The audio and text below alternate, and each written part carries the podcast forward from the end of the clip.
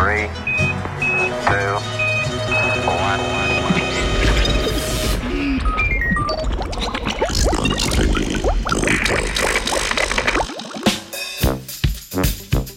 Dobro jutro, geslo našega jutranjega zdravstvenega britofa oziroma znanstvenega britofa in tudi vsakega jutra nasploh se glasi: Rabim kavo.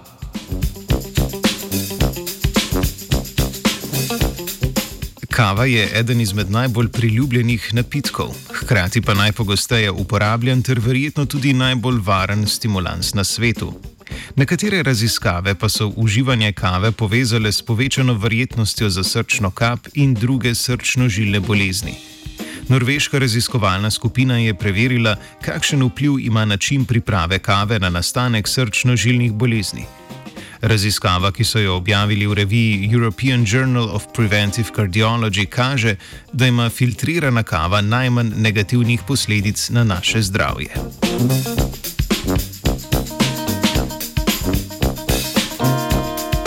Študijo so raziskovalci in raziskovalke izvedli z uporabo vprašalnikov, v katerih so preizkušence spraševali, ali sploh pijejo kavo in koliko skodelic kave popijajo na dan. Ugotovili so, da del sodelujočih kave sploh ne pije. Najbolj jih je zanimalo, na kakšen način pripravljajo kavo, pri čemer so ponudili možnost priprave nefiltrirane in filtrirane kave, k slednji pa so uvrstili tudi instant ter brezkofeinsko kavo.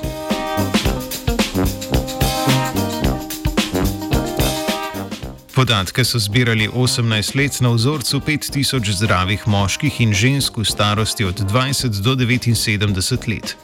Pri raziskavi so upoštevali še podatke, kot so spol, starost, stopnja izobrazbe, ali preizkušenec kadi ali ne, holesterol ter trigliceride v krvi, sistolični krvni tlak, indeks telesne teže in leto testiranja.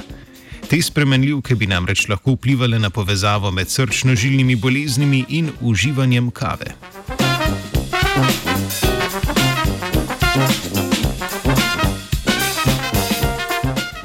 Izkazalo se je, da pitje kave ni nevarna navada. Ponovimo še enkrat. Izkazalo se je, da pitje kave ni nevarna navada. Pravzaprav se raziskava nagiba k temu, da pitje filtrirane kave bolj ugodno vpliva na naše telo, kot če kave ne bi pili. Domnevajo, da je to posledica visoke vsebnosti antioksidantov v kavi, ki preprečujejo oksidacijo slabega LDL holesterola v naši krvi. Prav tako je uživanje kave povezano z manjšim tveganjem za nastanek sladkorne bolezni, ki pogosto vodi v srčno-žilne obolenja. Uživanje filtrirane kave je bilo v raziskavi povezano z 12-odstotnim zmanjšanjem tveganja smrti zaradi srčno-žilnih bolezni pri moških in kar 20-odstotnim zmanjšanjem pri ženskah. Najnižjo umrljivost zaradi srčno-žilnih bolezni so zabeležili med uporabniki, ki spijajo od 1 do 4 skodelice filtrirane kave na dan.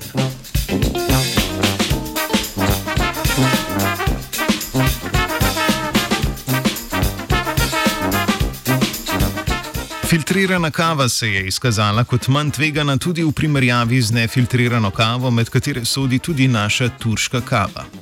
Umrljivost zaradi srčno-žilnih bolezni in srčne kapi je bila namreč pogostejša pri uporabnikih nefiltrirane kave.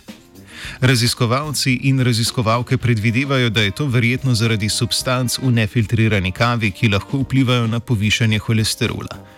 Uporaba filtra naj bi te substance odstranila in tako zmanjšala tveganje za nastanek srčno-žilnih obolenj.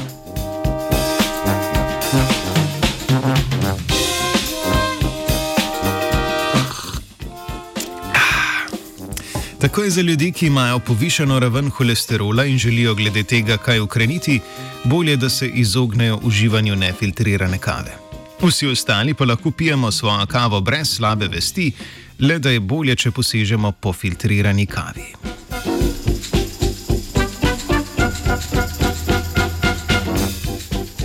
Svoji jutranji nefiltrirani kavi se ne bo odpovedala Iza.